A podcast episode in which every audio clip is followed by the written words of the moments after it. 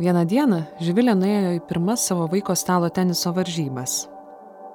Aš ten šiaip netaip užlipu, užlipu į tą penktą aukštą, užsikabaroju skauda, bet motivuoja mane, kad vaiko varžybos pirmas nori pamatyti. Ir kažkaip aš taip nuėjau, kviečiu Justą, Justą žiūri, kažkaip ignoruoja mane. O pirmą kartą, nu, tie draugai kaip ir matė. Pradėjom kalbėti, sakau, kas čia yra, sako, mama, aš nenorėjau, kad mm, mano draugai žinotų, kad mano mama su negale. Pradėjom kažkaip kalbėti, sakau, kas kaip. Mm, šitą numatau, kad vaikui kaip ir gėda dėl manęs. Aš susigaudinau. Ir vaikas sako, irgi jisai apsiverkė, susigrūdino, sako, mokyklai, sako, iš manęs tyčiojasi, kad mano mama su negale. Nemažai daliai žmonių sunku įsivaizduoti, kaip moteris su negale gali susilaukti, išnešioti ir užauginti vaiką. Pasak lygių galimybių plėtros centro 2021 metais atliktų tyrimų, moterys su negale, kurios pasirenka turėti vaikų, susiduria su dviguba diskriminacija. Ne tik dėl negalios, bet ir dėl motinystės. Šioje nara tinklalaidėje dviejų vaikų mamos Živilės Bagdonavičiūtės istorija apie santykius, seksualumą ir motinystę. Aš esu Indrė Kiršaitė.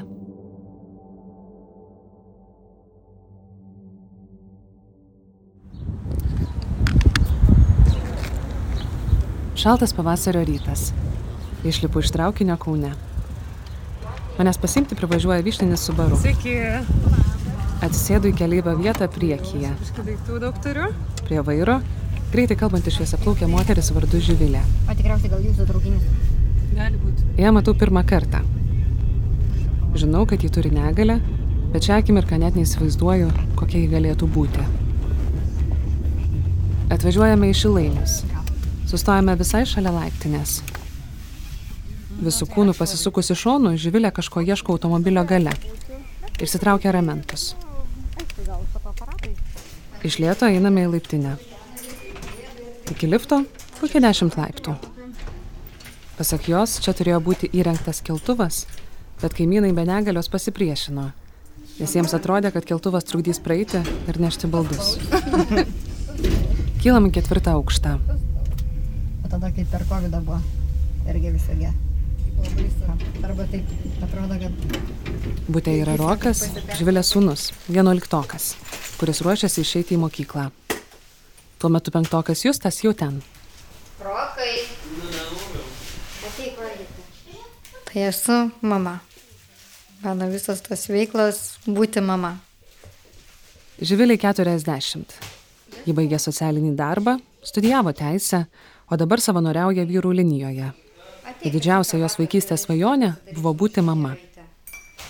Labai mėgau žaisti su lėliam ir turėdavau ten po vieną vaiką, po to jau turėjau, netgi katiną turėjom, tai ir katinas buvo mano vaikas, aš jį rengdavau su mažais, tai ant kūdikio rūbeliais ten vežiodavau jį, Tai sakau, ilgai žaidžiau, gal iki 14 metų su lėlėm ir, ir, ir jaučiausi tokia kaip mama, tokia svarbi, gal kad būtent per, per tą moteniškumą.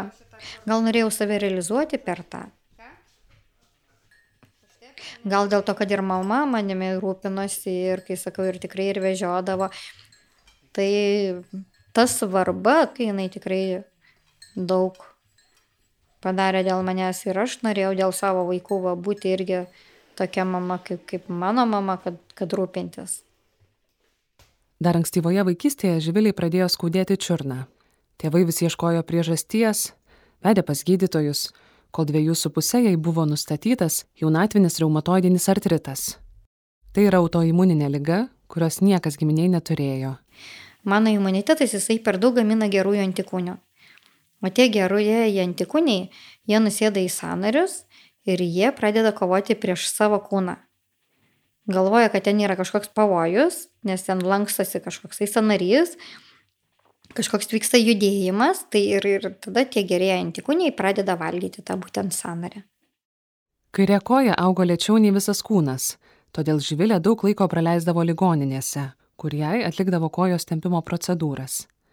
Tada lyga išplito link kairės rankos. Dabar ji nejudina kojos ir rankos negali nei sulenkti, nei ištiesti. Trumpesnius atstumus živilė eina su ramentais, o ilgesnius važiuoja vežimėliu. Visi živilės sanariai yra pažeisti, todėl ji patiria milžiniškus skausmus. Ir jeigu užkrenta koks nors daiktas, tai mane net iki pykinimo, ant kiek skauda tas skausmas, toksai nepakeliamas, jisai dar plus, kai sutinsta jie, tai tu negali, ta prasme, būti produktyvus ir judėti taip, kaip, sakykime, kaip įprastai. O dar, kai, ta prasme, ten toks veržimas, toksai spaudimas, toksai, dar kai būna skauda, tai tokie kaip dūrė ir kartais taip, jeigu staigesnį kokį judesi padarysi, tai taip sudursti ir tai pereina per visą kūną, ta prasme, tas toksai ir širpas, ir toksai, kai sakau, labai tie tokie skausmai ir dar kai skauda tau ne vieną sąnarį, o ten keli sąnarius skauda, tai iš viso irgi. Iš pradžių ji ėjo į mokyklą su visais vaikais, vėliau ją nuveždavo artimieji vežimėliu, galiausiai pradėjo mokytis iš namų ir ateidavo į mokyklą atsiskaityti. Čia Živilė buvo vienintelė moksleivė su judėjimo negale Vienas tai norėjo nuo laiptų nustumti, o vienas tai pakišo man padnoškę, kuprinė sunki buvo, o aš šlubuodavau, kaip griuvau ir, ir ta kuprinė jinai su svoriu man už, užkrito ir, ir man jinai susilenkė tą ranką. Toks skausmas, aš ten nuėjau į mokyklos, mm, radau po laiptais, ten tą vietą nuėjau ir, ta prasme, ir gėda tau verkti prie visų, nes, nu, ir gėda vien dėl to, kad iš tavęs pasityčiojo čia mano ta negalė, aš nepasirinkau kaip rūbą, va šiandien norėsiu suknelę apsidėti, rytoj norėsiu kelnes apsidėti. Žvilė turėjo daug operacijų ir mokėsi, kaip gyventi su progresuojančia lyga. Buvau ligoniniai ir vaikščiau su ramentais. Ir dabar buvo tolėto jungikliai, jie aukšti. Tai vaikai prieina, jie pašoka ir įsijungia jungiklį. Ir aš visą laiką nueinu paprašyti E, sesutės, kad įjungtų ten. Ne visą laiką, jeigu ten būna, jeigu kažkas praeina, kažkas arba taip uždega ir užsidega. Ir po to taip stovi ir galvoju, mhm, bet tai aš turiu du ramentus. Tai aš galiu vieną pakelti aukštį ir įsijungti. Ir man bus, nu, ta prasme, ta šviesa. Čia Subaru Foresteris. Tai man tai jinai labai patinka, nes keturiais varoma. Žvilė daug laiko praleidžia mašinoje Ho, o, Iš pradžių jie veždavo vaikus į mokyklas. Mantra. Dabar į burelius. Taip labai visai gerai nutikę. Tokia rami, tada duoda. Ir kai vaikai mano įsirikuoja, tai stengiuosi susivaldyti ir pati būti ta tokia rami, kad, kad jie nurimtų. Kaip ir juokas yra užkrečiamas, tai pasirodo ir ramybė yra užkrečiama. Baigus mokyklą, išmokti vairuoti Jai pačiai buvo emancipuojanti patirtis. Galvoju, vėl pasiekiau. Vairavimo mokykloje Živilė sutiko draugą. Jis irgi turėjo fizinę negalę, buvo maža ūgis. Tai aišku, puikiai supratau, kad reikia turėti partnerį, nes nu vaikai taip neatsiranda. Bet iš karto Živilė susidūrė su aplinkiniu nerimu, ar tikrai sugebės susilaukti, išnešioti ir užauginti vaiką. Netgi mane irgi kaip ir mokino, kad čia šitą nereikia būti su tose iliuzijose, o nereikia svaigti, ten taigi šitą bus e, sudėtinga, tugi nežinai, kas tai yra ir atrodo, kad jie man tuo momentu padės. Sesuo irgi kažkiek tai jaudinasi, kad, nu, tu prasme, ar man čia pavyks. Ar viskas čia gerai, čia man kaip reikia priežiūros, o čia dar atsiras, kur turėsiu rūpintis kažkuom tai. Ir kaip atrodo kitiems, kaip aš suspėsiu tą padaryti, pati pasirūpinti ir dar silpnesniu, kuris iš tiesų yra priklausomas nuo tavęs.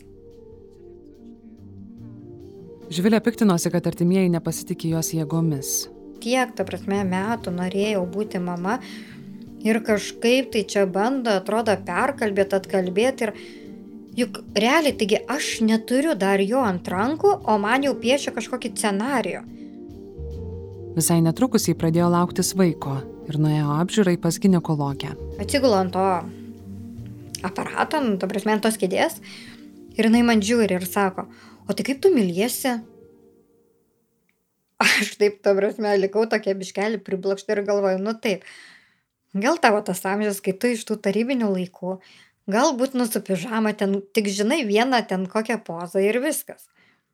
Jeigu atrodo, turi va, fizinę negalę, tai jau, tu, jau, jau kaip tu tą patį dalyką darai. Nu taip, nu tai yra ne tik misionieriaus ten šitą, kai sakykime, ten galim, bet tai yra, nu, kai sakau, ir, ir kitų, ir daug kas nekalba apie tas temas. Ta prasme, tai yra normalus gyvenimo žingsnis, kai sakau, tas netgi ir, ir artumas, ir, ir, ta prasme, lytiškas tas toksai artumas, tai yra normalus dalykas. Tai sakau, yra, nu taigi ir šaukštelio poza.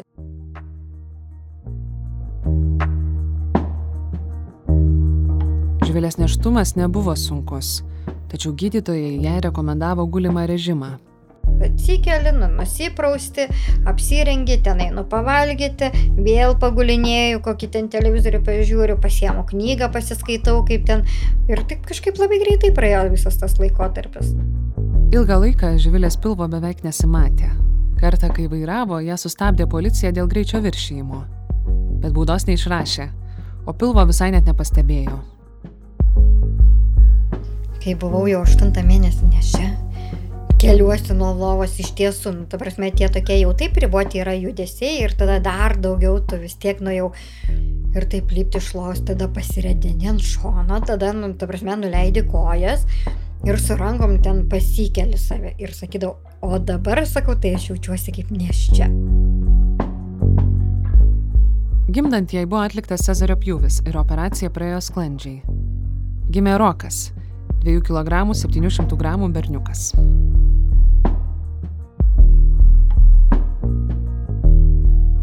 Stoju prie lavytės, nes aš su dviem ramentais vaikštau. Aš taip galvoju, noriu pro langą jam parodyti. Tai vieną ramentą nu, laikau po, pažastim, su, su kita, ta prasme, ramentu irgi remiuosi, tai aš vaiką laikau su viena ranka. Ten ir, ir dantis buvo, kad įsikandau, nu žodžiu, kad čia jau tvirčiau tą vaiką palaikyti su ranka vieną, nešuosi iš lėto prie lango pasisodint, kad ten vaikas pamatytų pro langą. Arba būdavo prieinu prie lavytės, e, tada tvirčiau aš stoviu pati ant kojo ir jį šiek tiek pakeliu. Tada jau laikydamasi prie lavytės ir aš jį biški pakeliu. Tai tada irgi taip nu, galvoju, kaip smagu, kad aš galiu pakelti vaiką bent jau tiek. Kadangi Živilė su draugu abu turėjo judėjimo negalės, Jie ieškojo savų būdų, kaip rūpintis vaiku. Atsinešu, ta prasme, vanelę į kambarį ir tada su bliudeliais, nu tai vaiko tėtis, kai sakau, per kelius bliudelius mes ten atsineždavom, pasigaldydavau ir irgi tai ir tokia vieta, kai sakau, prisitaikai, įdedi ir, ir nuprausi, o po to įryšiami vaiką ant to pačio stalo, ten e, rankšluosis, nes man pasilenkti būdavo irgi sudėtingiau, dar nebuvo nei vienas klubas pakeistas, tai biškeliai ir tie tokie, nu, tikrai tie tokie judesiai buvo ir sudėtingi. Bet kažkaip va tai pabiški, pabiški ir kažkaip tai jau atrodo, nu, tai įprasta. Kai Rokui buvo pusantrų metų, Živilė dėl nesutarimų išsiskyrė su draugu. Geriau taip, nei kad pykstamės, sakė man jie. Kadangi Roko tėtis daug dirbo ir praleisdavo mažiau laiko su juo, Živilė sako, kad niekas stipriai nepasikeitė. Kad tas mano vaikas jis visur su manimi būdavo. Net esu ir pasimatymą važiavo su vaiku pirmąkį. Živilė užsiregistravo į draugas LT, įsikėlė nuotrauką, pradėjo susirašinėti su vyrais ir ieškoti santykių. O vienas tai buvo atvejis, man sako, um, tai galim susitikti, Sako, tai aš pažiūrėsiu, sako į tave, kaip tu būsi, kaip atrodysi, nu, tada jisai spręs. Ar su manim būti, draugauti, ar ten, kai sakykime, nebūti. Tai aš kažkaip sakiau, ne, ne, jau iš karto supratau, kad, nu, ne tas žmogus. Ir pasakiau, sakau, aš nesu koks zoologijos sodo, nu, ta prasme, ar ne, ten kažkoks gyvūnėlis, kad susitiks nuo to ir viskas spręsis vienas buvo, nuėjau į vieną pasimatymą, nueinu ir man vienas vyras, nu jo, um, ant nuotraukų nesimato, kad tau taip yra. Tada Živilė nusprendė, kad reikia įsikelti nuotrauką, kurioje jis sėdi vežimėlyje. Jau, ta prasme, nu tie žmonės, kurie galbūt nebijos, tai jie, sakykime, um, kitaip žiūrės, o tie, kurie bijos, nu iš karto jau net nerašys. Ir nereikės man bereikalingai, kai sakau, tos energijos, dėti kažkokių iliuzijų, kad ten kažkaip tai kažkas tai bus, galbūt, nu, kai sakau, tai labai gerai iš tiesų pateikti taip, kaip yra. Ir kaip pasikeitė, tada nežinau, net nežinau, žinučių kiekis ir, ir labai žinutės. kardinaliai pasikeičia. Tai netgi, sakau, yra tas toksai vyrų stereotipas, man atrodo, nu, jie gal taip masto, kai kurie, kad jeigu tu su negale, jau tiesiog, nu, tau reikės kažko labai tenais daug, ten reikės tai jam rūpintis, to vyrai iš vis, nu, jie, kai kurie, kai sakau, ir, ir savo vaikų, nu, neaugina. O čia dar kažkuom tai rūpintis, nu, ta prasme. Arba dar, negana, kad tu su negali, bet dar ir turi vaikų, tai iš viso kažkas tai tokio, tai jau, jau pusė, dar daugiau nusieina. Tai ten gal tik tais, ta prasme, kokie, kokie 2 procentai, arba ten nu, labai labai sumažėtas toksai. Netgi ta negalė ar ne, atrodo kitam, kad tai yra našta kažkokia, nusikrausi tu čia naštą. Plemba, nu, turėjau, ta prasme, santykius, ar ne? Ir aš ne vieną kartą esu perspėjus ir pasakęs, gal šią dieną aš negalėsiu ten panešti kažkokiu tai bulvių maišo, bet aš galbūt galėsiu, kad ir masažą padaryti. Jeigu mano antroji pusė panešta bulvių maišą. Kai sakau, man netgi partnerio reikia ne tai, kad mane užpildytų, bet tiesiog, kad mane papildytų. Aš kažkur kažko nežinau, tai aš norėčiau, kai, sakykime, su kažkuo pasitarti. Arba aš kažką tai žinau, aš norėčiau pasikartoti ir norėčiau, kad mane išklausytų. Bet partnerį Živilė susirado ne internete.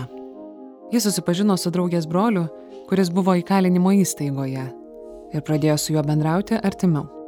Man paskambindavo, mes bendraudavom, mes ir laiškai susirašinėjom ir po to jį paleido, ta prasme, atostogų, nes ten paleidinėjo atostogų. Per visą tą savaitę, kai jisai gavo atostogų, mes kažkaip tai realiai pabendravom. Ir mes, kai realiai pabendravom, dar labiau pamatėm, nu, koks jisai žmogus, ko, kokia... Aš ir aš tada atsimenu labai taip gražiai, jisai mano pirmagimė sako, ar tu nieko prieš, jeigu aš su mamytė tavo būsiu. Živilė su nauju vaikinu draugavo trejus metus, kol galiausiai nusprendė susituokti. Jų vestuvės vyko Kauno tardymo izolatoriuje gruodžio pabaigoje.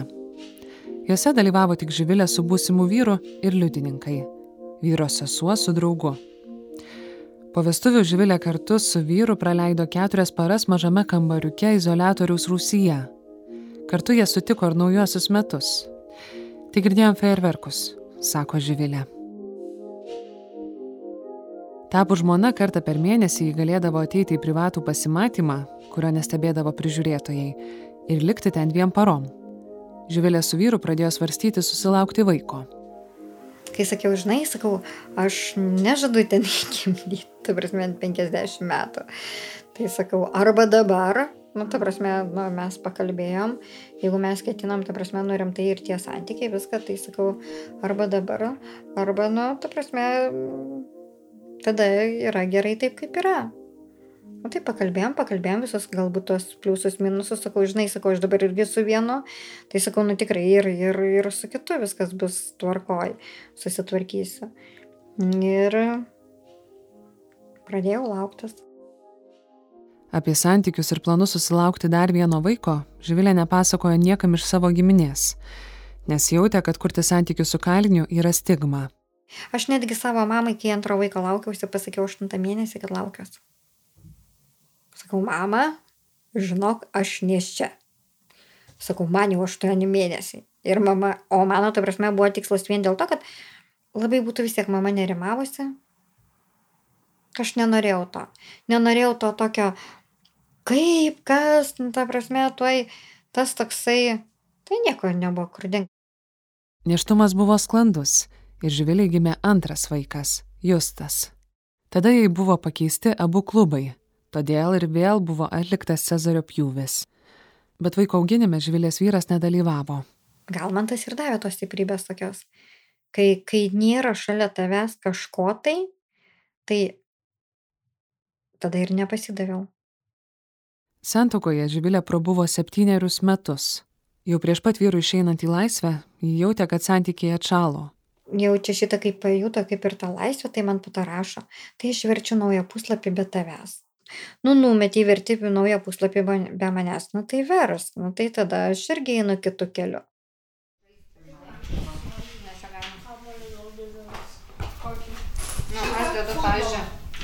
Antrą kartą atvažiavus į Živilės namus, ji pakviečia pažaisti stalo žaidimų.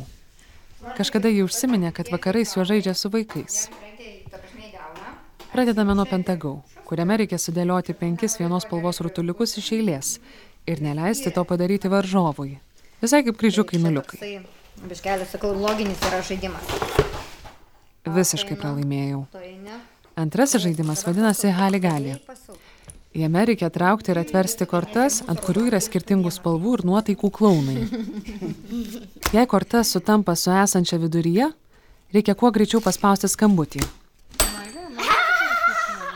Jei esi pirmas, susirenki visas atverstas kortas. Laimitas, kuris viską susirenka. Geriausiai iš visų žaidžia Justas. Jis turi labai greitą reakciją ir yra pastabus detalėms. Ilgai kaunasi su juo, Dabar. kol galiausiai laimiu.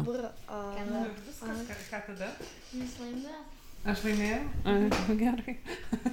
Ką padarysiu? Justui yra beveik 11. Rytais jį pasiima autobusiukas ir nuveža į mokyklą, o vakarais jis eina į ledo ritulio ir futbolo treniruotes. Namuose Justas nenustyksta vietoje. Kartą jis mums parodė, kaip moka sulysti į kubą katinų laipynėje. Atrodo, kad jis vis bando aplinkinių ribas. Kartą buvom depo ir jis visų greičių zigzagais vežiojo mamą vežimėlyje po parduotuvę. O mums ieškant varštų, jis atneždavo tik tuos, kurie yra bent plaktuko dydžio. Živilė tik nusijuokdavo. Kai buvo trejų, Justui nustatė lengvą autizmą, hiperaktyvumą ir dėmesio sutrikimą. Živilė pasakoja, kad iš pradžių jis neprisileido žmonių, nenorėjo artumo. Vėliau lėčiau vystėsi jo raida. Kartais jis išbėgdavo iš namų, slėpdavosi po lovą ir atrodo, kad neturėjo savisaugos instinkto. Einam prie gatvės, tiesiai į mašiną ranką, kai koks supermenas, kad sustos tą mašiną ir, ta prasme, tiesia ranką ir, ir jam visiškai nebuvo jokio ten to pavojaus nejautė. Živilė, supratusi, kad Justui daug streso kelia naujos ir triukšmingos vietos, pradėjo jų vengti. Ieškojo, kuris jaustųsi geriau. Pavyzdžiui, išsirinkdavo vieną parduotuvę, į kurią visada eidavo, kad būtų kuo mažiau dirgiklių. Buvo vasara. Įeinam į Lidlą ir jam jau matau, kad jis jau bėgs. Įeinam ir nėra žmonių. Sustojo, sukluso ir visą laiką, kol apsipirkinėjau, ėjo šalia manęs. Kuo mažiau tų tokių dirgiklių, tuo tas vaikas visai kitaip jisai elgėsi. Žvilės vyriausiam sūnui Rokui 17. Kol mes svetainėje žaidžiam stalo žaidimus, į savo kambarį žaidžia Robloxą. Arbatos ar trys viename. Tai tik pasidaryti ir man dar padaryk. Rokas atrodo ramus, turi gerą humoro jausmą, bet yra gana uždaras. Vieną kartą buvo toks atsitikimas irgi vyresnėliui sakau, man atrodo, sakau, kad jūs esat nelaimingi.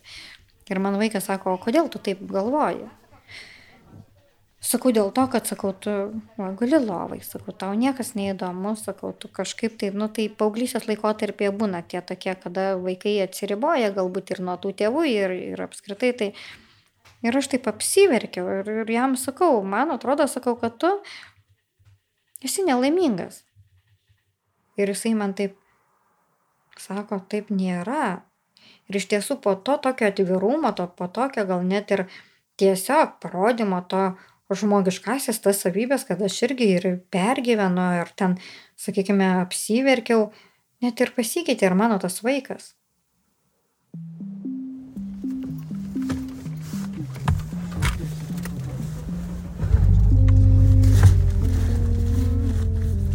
Kai atvažiuoju paživilę antrą kartą, ji mane pasiima ne viena. Ant galinės sėdynės sėdi Mikhailas. Maždaug 30, pasportavęs. Iš pokalbių vis bandau suprasti, kas jis, bet tiesiai paklausti nedrįstu. Privažiavus prie živilės namų, jis paduoda jai ramentus ir paima jos mažą odinę kuprinę. Namuose visą laiką sėdi šalia mūsų, kol galiausiai nueina nusnausti į živilės miegamąjį. Visą dieną kalbėdama su živilė, taip ir nesužinau, kas yra Mikhailas. Vakare kartu su juo traukiniu grįžtu į Vilnių. Išlipus jo paklausiu, kiek laiko jūs pažįstami. Mes tik savaitgalį susipažinom, atsako jis.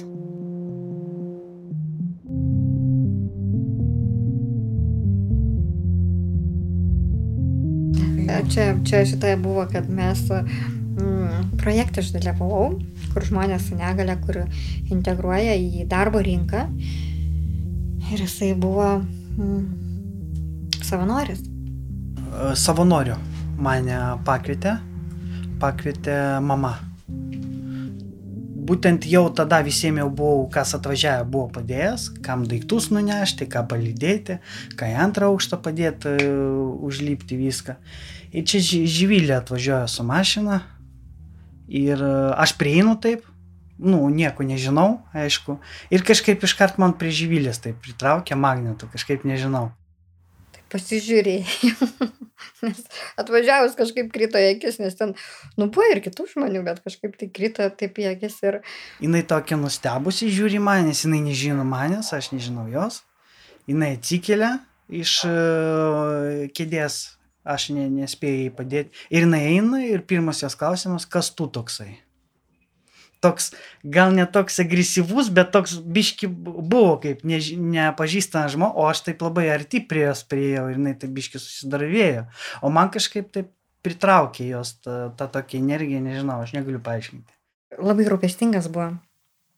Tikrai ateidavo pasiklausti ir va tas labai sužavėjo, kad būtent ateina pasiklausti, o ne tau reikia prašyti. Gal gali man padėti. Netgi būdavo taip, kad ateina ir jisai paklausia, gal kažko tai reikia.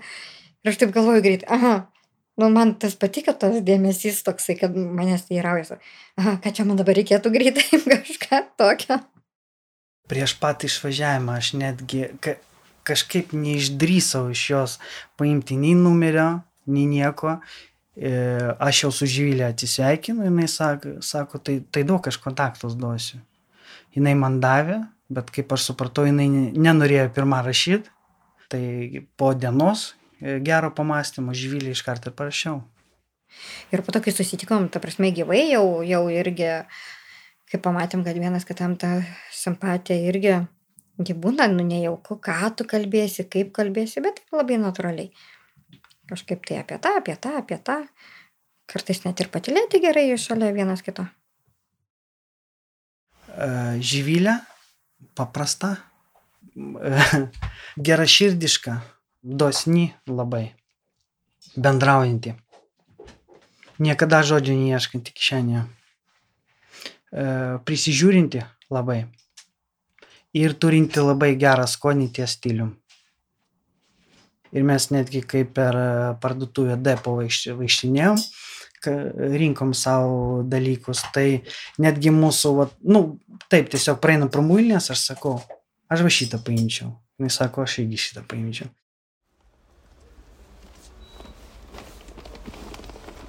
Na, reikia pažiūrėti, ko čia gali. Ką dar reikia? Ne pagal sąrašą. Ne pagal sąrašą. Mikhailas dirba statybose, o Živilė savo balkone norėtų turėti supynės. Jis planuoja jas įrengti, todėl vaikštome po depo ir ieškom varštų, karabinų ir virvės. Pažiūrėjau. Aš iš pat vaikystės e, mačiau, kai, kaip sunku, kai žmogus yra kažkom apribotas ir kad tai nėra tas dalykas, iš ko reikia šaipytis, o tai būtent tu kaip stipresnis turi padėti tokiam žmogui, nes ta stiprybė ir yra tame.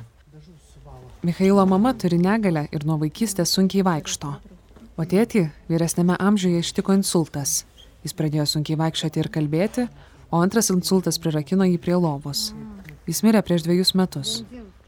Nu, kai mama prašydavo, aš iš karto ir eidavau daryti. Nebuvo pas mane toj, gal gerai ateisiu, jo, iš karto. Nes aš suprantu, kad mama net, ne taip savo prašo manęs, o iš karto eidavau ir padėdavau. Nu. Jinai tai visuomet vertindavo ir man patikdavo padėti mamai. O ne va šito? Atrodo, kad Justas prisileidžia Mikhailą. Jie kartu žiūri fantastinius veiksmo filmus, telefonai žaidžia monopolį, kartu eina į parduotuvę. O Rokas atrodo, kad mažiau jį prisileidžia. Tačiau Živilė sako, kad Rokas dabar labiau pasitikė savimi. Ai, Man anksčiau šitą taip. Ne, ne, ten kitas. Ir vaikus netgi mokinu, sakau, vaikai, sakau, paprašyti pagalbos, sakau, nėra silpnybė, kaip anksčiau buvo primesta. Sakau, paprašyti pagalbos, sakau, yra stiprių žmonių savybė. Bet va žmonės, kai sakau, labai linkia greitai pasiduoti. Atstatinėjo klubą į vietą, taip. Živilė užsiminė, kad su Michailu jau yra kalbėjusi apie vestuves ir galvoja apie įsivaikinimą. Čia Ten apačioje kampam, kampam. Kur šitie? Aha. Ai, čia šitą ir to jam čia tik rankeną, o po to darys Ne, dasidėti. gerai. Ne, čia ką jis Šitą jam. Šią Naros garso dokumentiką kūriau aš, Indrė Kiršaitė. Jos redaktorius ir montažo režisierius Adomas Zubė. Živilę, Michailą Justą ir Roką fotografavo Julija Stankevičiūtė. Jos nuotraukas galite pamatyti Nara LT. Ne, ne, ten kitas. Epizodo muzikos autoriai - Martinas Gailius ir Kata Bitoft. Epizodą kūrėme su lygių galimybių plėtros centru. Šią tinklalaidą iš dalies finansuoja aktyvių piliečių fondas. Prie mūsų veiklos galite prisidėti per kontribį arba bankinių pavedimų. Ačiū naujai mus remti prisijungusiems Donatui Tilmantui, Elenai Norai Jucytei, Agnijai, Monikai Kodėjai, Gintarijai Servaitai, Meri, Jurgitai Kuprytei, Aistai Pliuškevičiūtei, Mildai Varnauskaitei ir Astai Naujokaitytei. Savo balsą įrašiau nacionalinėje Martino Mažvydo bibliotekoje, garso režisierė Kata Bitov. Viską, kas didžiausia, jūs tas tempia. Ačiū, kad klausot ir iki.